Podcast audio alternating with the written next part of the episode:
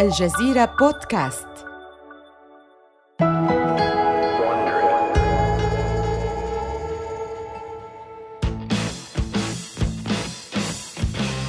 في أواخر الستينيات كان سوني بارجر أبرز وجوه أعضاء نادي ذا هيلز أنجلز إنه رجل مفتول العضلات قصير القامة لوحت الشمس بشرته شعره طويل مجدول. إنه أيضا زعيم فرع أوكلاند سيء السمعة لنادي الدراجات النارية الخارج عن القانون. الأجواء الغامضة التي تحيط بذلك النادي وتجاوزهم للقانون يجعل هذه المجموعة جذابة للكثير من الفئات الباحثة عن التحرر في تلك الفترة. وهو ما يعرضه فيلم هيلز أنجلز 69 Hell's Angels, the real Hell's Hell's Angels ملائكة الجحيم الحقيقيون يقودون دراجاتهم اليوم. رجال ذو جرأة يريدون أن يتجولوا على طريقتهم الخاصة. عنيفون صاخبون وشديدو القسوة. ولديهم قانون ونظام خاص بهم. With their own code of law and order. قصة الفيلم مثيرة للضحك. يساعد أفراد الجماعة طفلين غنيين على سرقة كازينو فندق سيزر بالاس في لاس فيغاس وكل ذلك يثير اشمئزاز رئيس شركة هارلي ويليام ديفيدسون. فمهما فعل لا يبدو أن هارلي قادرة على التخلص من ارتباطها بهذه الجماعة الخارجة عن القانون التي تفضل دراجاتها. لو كانوا فقط يعرفون الحقيقة.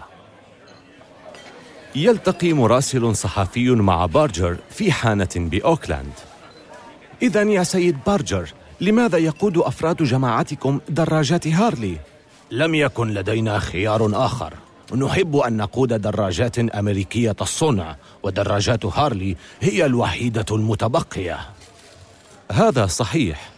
شارك بارجر في تأسيس فرع أوكلاند عام 1957 وإنديان الشركة الأمريكية الوحيدة التي كانت تنافس هارلي. كان أمرها قد انتهى قبل ذلك في عام 1953 دعني أخبرك شيئا. من حيث الصناعة أنا لا أحب دراجات هارلي. إنها تسرب الوقود. الأمر ينطبق حتى على الدراجات الجديدة.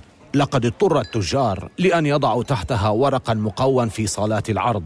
أنا أقودها لأنني عضو في النادي وهذه هي الصورة المتعارف عليها لنا.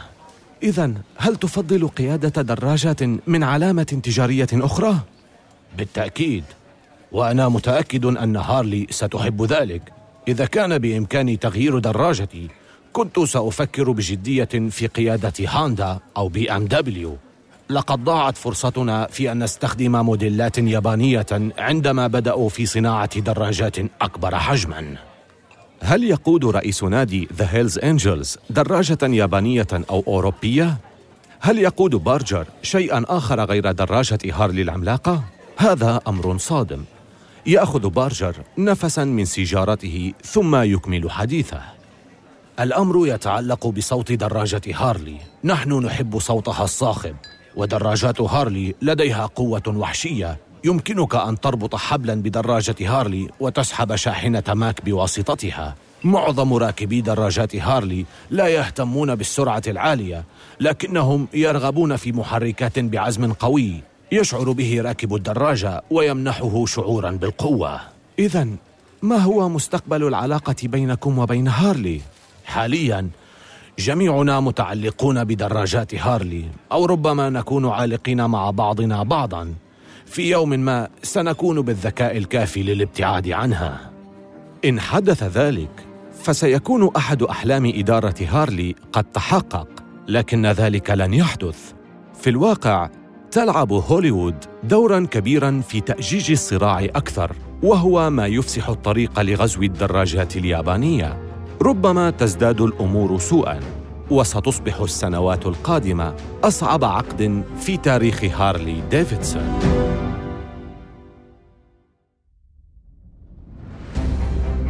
من الجزيرة بودكاست بالتعاون مع ووندري هذا بودكاست حروب الأعمال.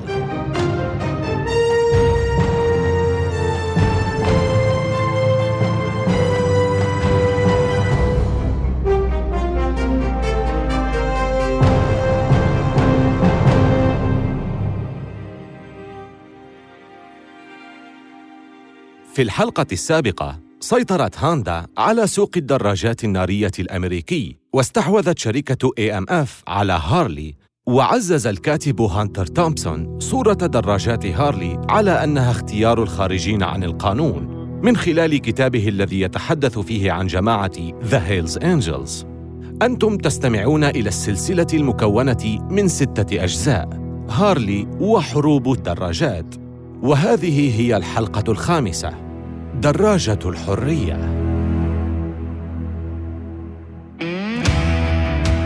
عام 1969 هو عام بالغ الأهمية فيما يتعلق بتسليط الأضواء على دراجات هارلي ديفيدسون النارية.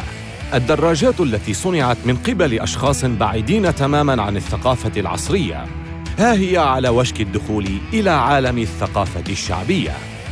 تفتتح أغنية Born to be Wild لفرقة ستيبنوولف فيلم Easy Rider وتمهد الطريق للقصة. يجني شابان المال عن طريق صفقة كوكايين.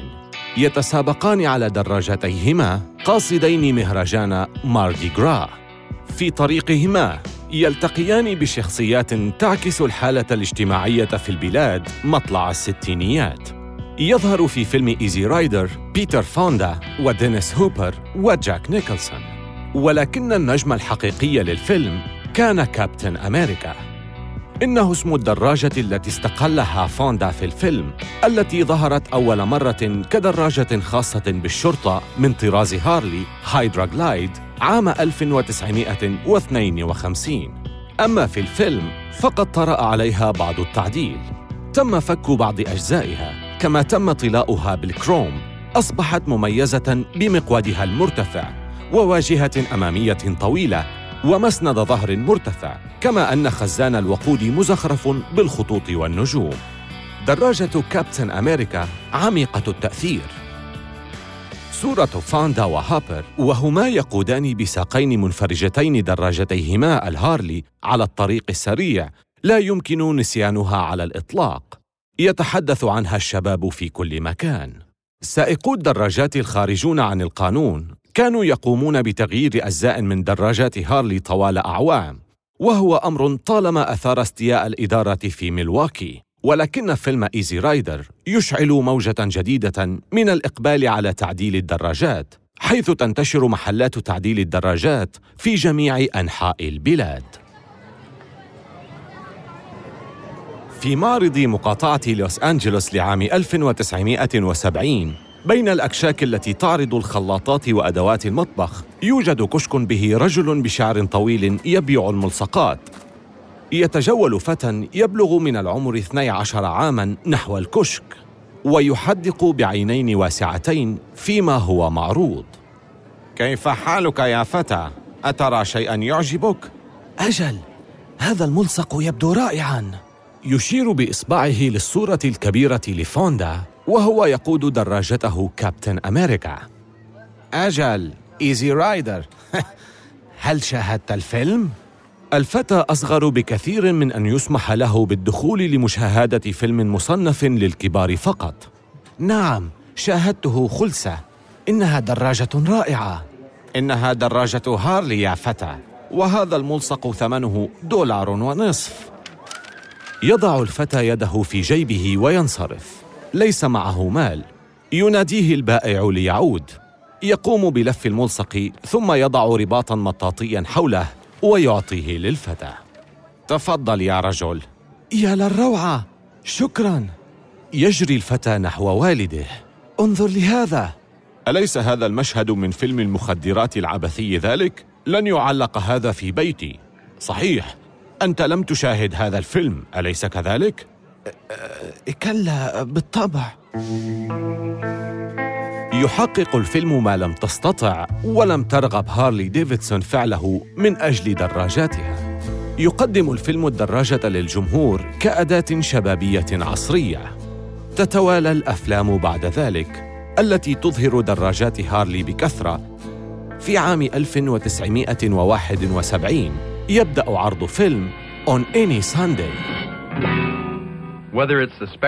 سواء كنت في مضمار سباق للمحترفين أو على طريق ريفية فإن رياضة قيادة الدراجات النارية مميزة للغاية.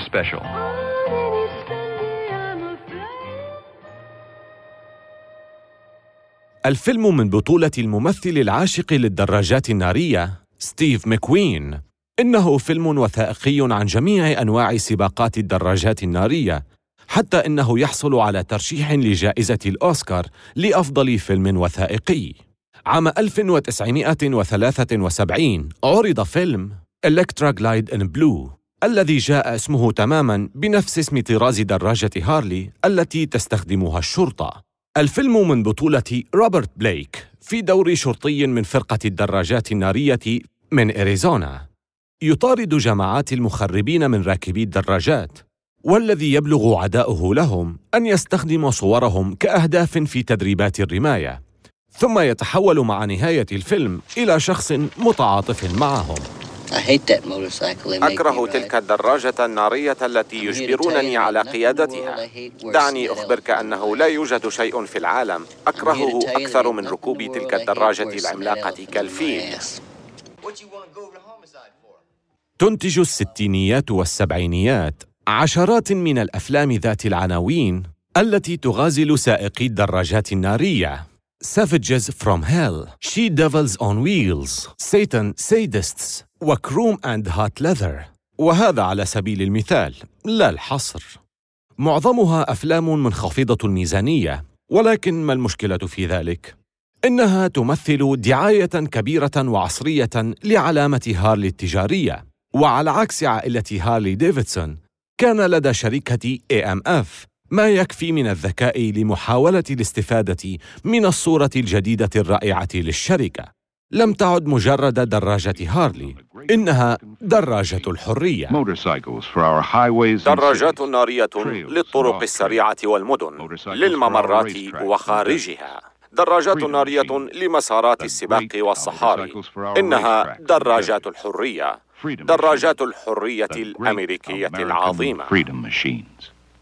ولكن لن يحقق ذلك أي زيادة في المبيعات تشبه ما تحققه الماكينات اليابانية العظيمة.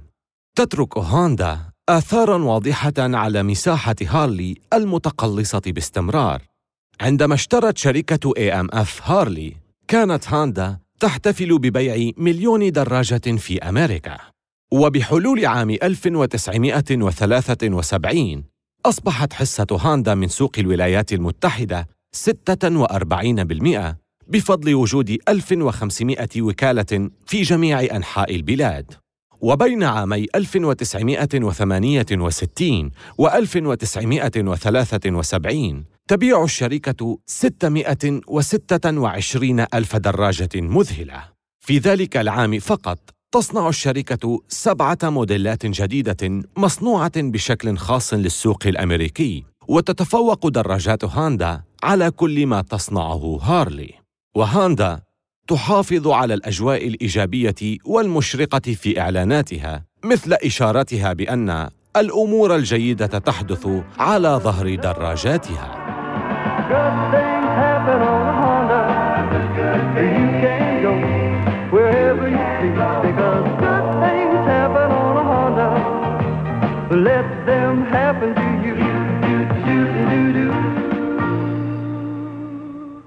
بينما لا تحدث هذه الأشياء الجيدة مع هارلي.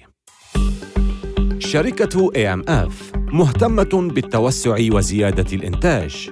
يجري المالك الجديد بعض التغييرات لتخفيف بعض الضغط عن مصنع ميلواكي القديم. يقوم بتقسيم صناعة هارلي بين مصنع هارلي القديم حيث تصنع المحركات وناقلات الحركة ومصنع آخر تم تجهيزه حديثاً في مدينة يورك بولاية بنسلفانيا حيث تصنع الإطارات ويتم تجميع الدراجات لكنها ليست فكرة جيدة. بعد المسافة بين المصنعين والذي يبلغ نحو 1100 كيلومتر يخلق الكثير من المشاكل في النقل إضافة لكون الشركة المالكة تصدر معظم القرارات الكبيرة من مقرها في وايت بلينز بنيويورك. كل ذلك يعيق حل المشكلات أكثر. لقد أصبح لقاء الموظفين بالإدارة العليا أمرا من الماضي.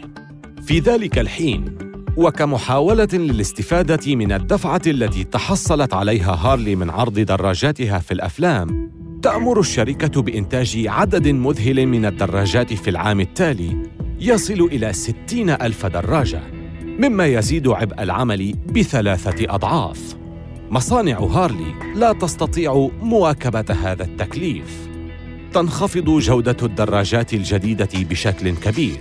تبدو الدراجات بالكاد متماسكة وهو ما يتسبب في الكثير من الحرج في منافذ التوزيع. صباح الخير يا سيدي. هل يمكنني أن أعرض عليك دراجة هارلي جديدة؟ بالتأكيد أنا أبحث عن شيء كبير وقوي. أنت في المكان الصحيح. ماذا عن دراجتي الكترا جلايد هذه؟ إنها حديثة الصنع تزن 355 كيلوغراما ومصنعة هنا في الولايات المتحدة الأمريكية.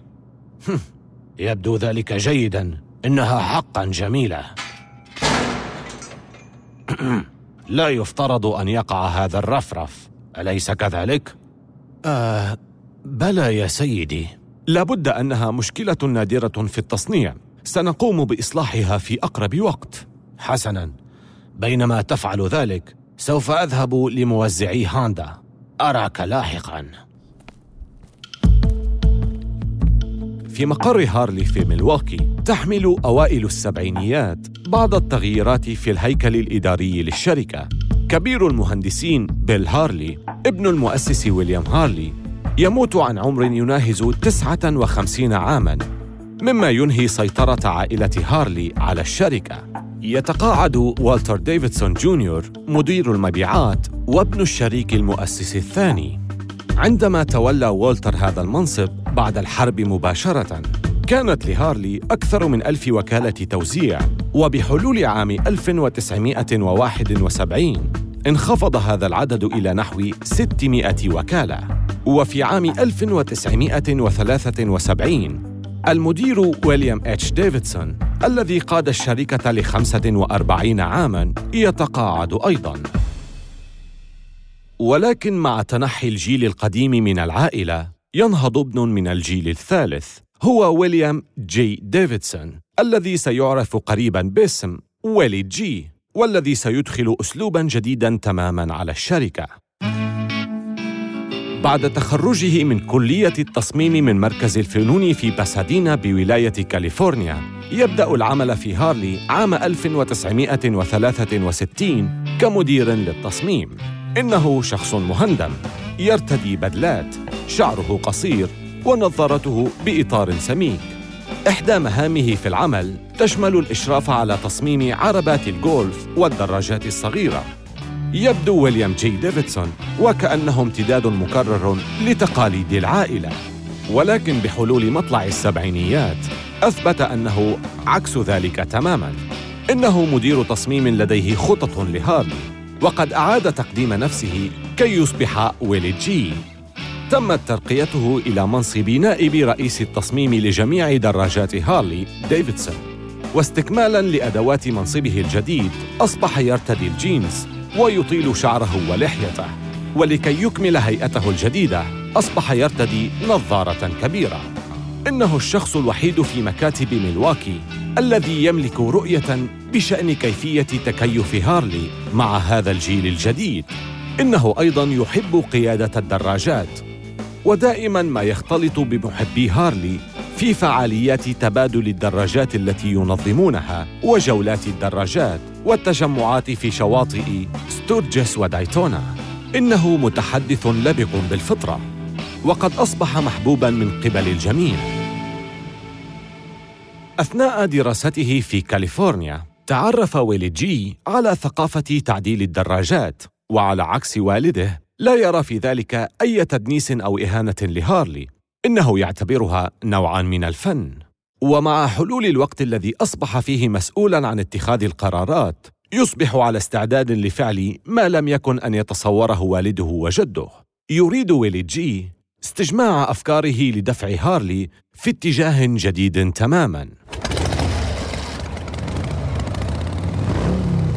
يصطحب أحد مصمميه في جولة إلى منطقة ريفية في ضواحي ولاية ويسكنسن. يتوقفان تحت ظلال بعض الأشجار. المكان جميل هنا يا ويلي. أجل أنا مسرور بقيامنا بتلك الجولة. أريد مناقشة بعض الأفكار معك. ماذا يدور في ذهنك؟ تعديل الدراجات يا رجل. إنه أمر رائج حاليا. أذهب إلى تجمعات راكبي الدراجات وبالكاد أرى دراجة هارلي عادية. أعتقد أن الوقت قد حان لاستغلال ذلك وأن نعطي الناس ما يريدون. أعي ما تقول. ولكن لا يمكننا أن نلبي رغبات الفئات الشاذة فقط. كلا آه لا يمكننا.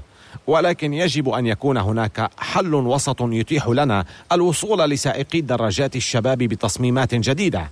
هل معك مذكرة لنسجل فيها؟ يناوله كيسا من الورق البني. يبدأ ويلي في كتابة الأفكار.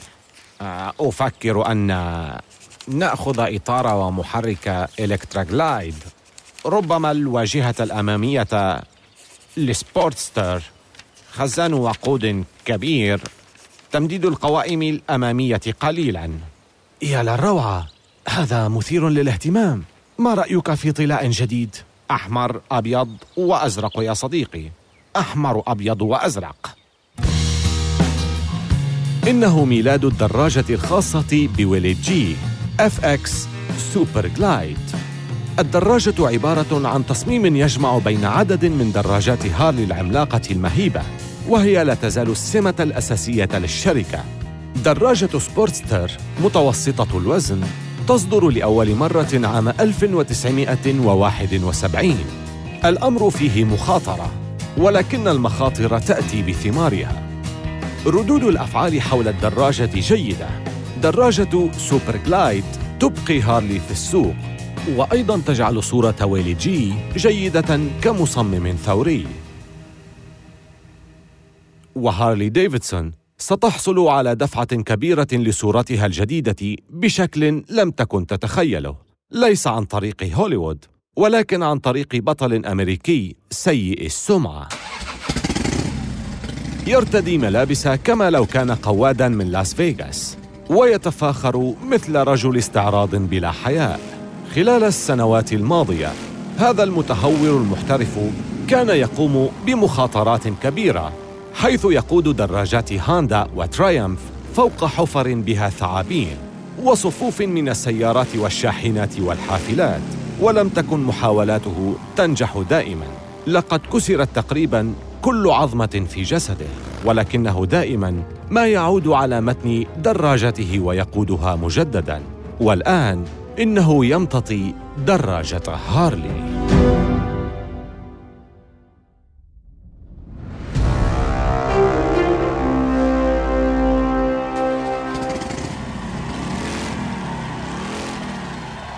إنه عام 1971 في مضمار أونتاريو بكاليفورنيا المكان مكتظ. إيفل كانيفل يدير محرك دراجته الهارلي ديفيدسون طراز XR 750 التي تزن 136 كيلوغراما. يبدو في بذلته المميزة البيضاء ذات النجوم المرصعة على صدره مثل إلفيس بريسلي. يحدق نحو المنحدر الذي سيدفعه ليحلق فوق تسعة عشرة سيارة. بينما ينتظر الجمهور بقلق هل سينجح أم سيسقط وتتحطم عظامه. يزيد كانيفل السرعة ويندفع للأمام بسرعة 110 120 ثم 140 كيلومترا في الساعة وينطلق على ارتفاع ستة أمتار على الأرض وينتهي الأمر في غضون ثوان. يهبط كانيفل بشكل مثالي يثير حماسة الجمهور. ينزلق بهارلي التي يعلو صوتها حتى تتوقف ويخلع خوذته. ويرفع ذراعيه نحو السماء بينما يهرع إليه معجبوه تلك القفزة هي رقم قياسي عالمي وسيبقى كذلك لسبعة وعشرين عاماً. بعد ثلاثة أشهر يقود كنيفل دراجة هارلي فوق ثلاث عشرة شاحنة بيبسي ويصطدم أثناء هبوطه. تكسر عظمة الترقوة. ويعاني من كسور متعددة في ذراعه وساقه. ولكن على المرء أن يقدم على ما يليق بالرجال فعله كما عبر عن ذلك إيفل لاحقاً. أردت أن أقود تلك الدراجة النارية وأتحدى الموت. كنت شخصا يحب المخاطرة. لم أكن خارج الحلبة وأنظر للداخل بل كنت داخل الحلبة. لأكون مخاطرا بالحياة أو مثل محاربي العصور القديمة. كان هذا ما يجعل لحياتي قيمة في تلك الفترة. لقد صرحت في آخر قفزة في أوهايو أن الدراجة النارية ليس لها أجنحة، وأن الرجل الذي من المفترض أن يكون محترفا عليه أن يعرف متى يقفز عاليا. سيستمر في تحدي الموت على دراجات هارلي طراز XR 750 حتى نهاية السبعينيات. ولكن حظوة كنيفل من الشهرة وتصميم ويلي جي المتقدم لا يؤثران أبداً على الدراجات اليابانية وخصوصاً هاندا. بينما تحافظ هارلي على معدل مبيعات ثابت تبيع هاندا الملايين من الدراجات وهذا لا يهدد هارلي فحسب بل إنه عملياً ينهي وجود الدراجات البريطانية ترايمف التي كانت في يوم ما أكبر تهديد لمملكة هارلي. ستفلس عام 1983 بحلول نهاية السبعينيات تواجه هارلي مشكلة مالية كبيرة مرة أخرى وشركة AMF لم تحصل بعد على العائد المرجو من استثمارها الذي يبلغ 21 مليونا و600 ألف دولار. تفكر الشركة في إيقاف نزيفها والتخلي عن هارلي. وثمة أحاديث تدور حول أنها راغبة في بيعها لمن يعرض أعلى سعر. وهذا قد يعني أن هاندا قد تكون من يفعل ذلك وهو ما لا يمكن قبوله. في مقر الشركة الرئيسي بملواكي يستدعي المدير التنفيذي فون بيلز ويلي جي واثني عشر موظفا من موظفي هارلي الإداريين المخلصين لاجتماع في الساعة الحادية عشرة. بيلز هو أحد أكثر الرجال ثقة بالنسبة لويلي. إنه مؤمن تماما بالشركة ولديه خطة للقيام من جديد. أيها السادة الأمر بسيط. شركة AMF تفكر في بيع حصتها في هارلي ديفيدسون. إذا أردنا أن يكون لنا أمل في البقاء نحتاج لشراء الشركة مرة أخرى. إنها شركتنا. ينظر الجميع إلى ويلي جي فون محق آمل أن توافقوني الرأي ولكن علي الاعتراف. خطوة مثل هذه لن تكون بلا مخاطرات كبيرة. الأمر مخيف. يطلب بيلز من كل رجل أن يساهم من ماله الخاص بما يمكن أن يحل المشكلة ولن يكون تحقيق ذلك يسيرا. أعلم أن هذا قد يضعكم في موقف صعب. لا توجد أي ضمانات. ويجب أن نفكر في عائلاتنا. إنها لحظة مؤثرة لجميع من في الغرفة. الموضوع أكبر من مجرد عمل لهؤلاء الرجال.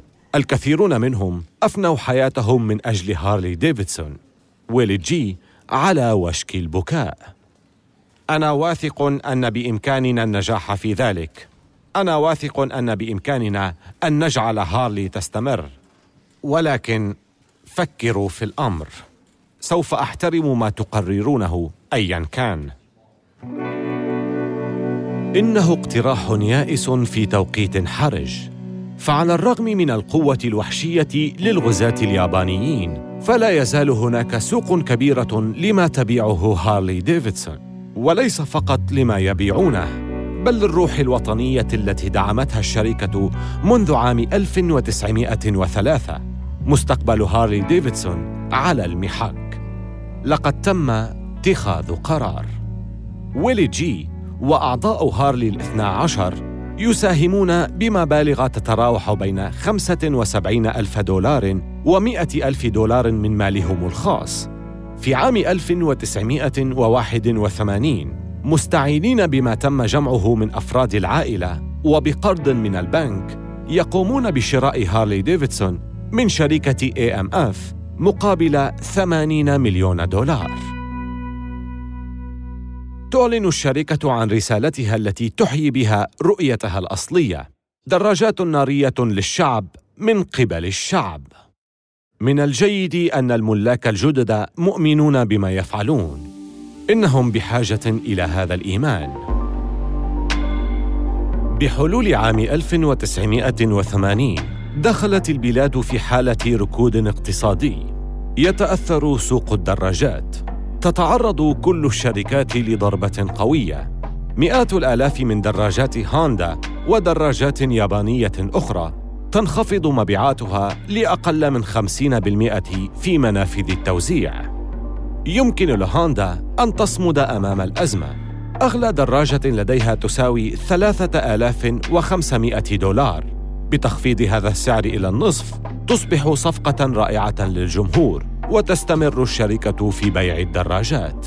لكن سعر دراجات هارلي يتراوح بين 4500 دولار إلى 7000 دولار وهي مكدسة في معارض التوكيلات الآن لا تجد مشتريا في جميع أنحاء البلاد وقد تضاءلت حصة الشركة في سوق الدراجات الكبيرة الذي طالما استحوذت عليه هارلي بنسبة 30% ولكن الشركة على وشك أن تجد منقذا وهو على وشك أن ينتقل للعيش في بيت بالعاصمة واشنطن.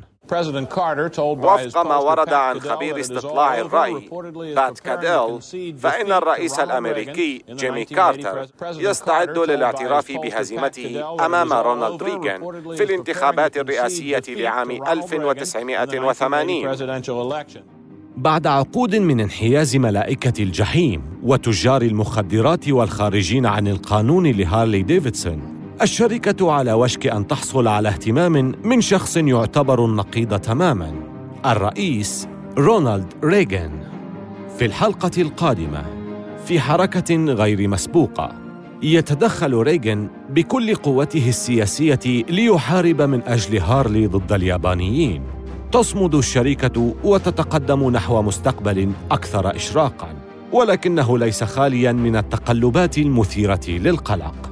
إنه طريق يؤدي إلى رئيس لديه رأي مختلف تماماً فيما يتعلق بأسطورة ميلواكي دونالد ترامب.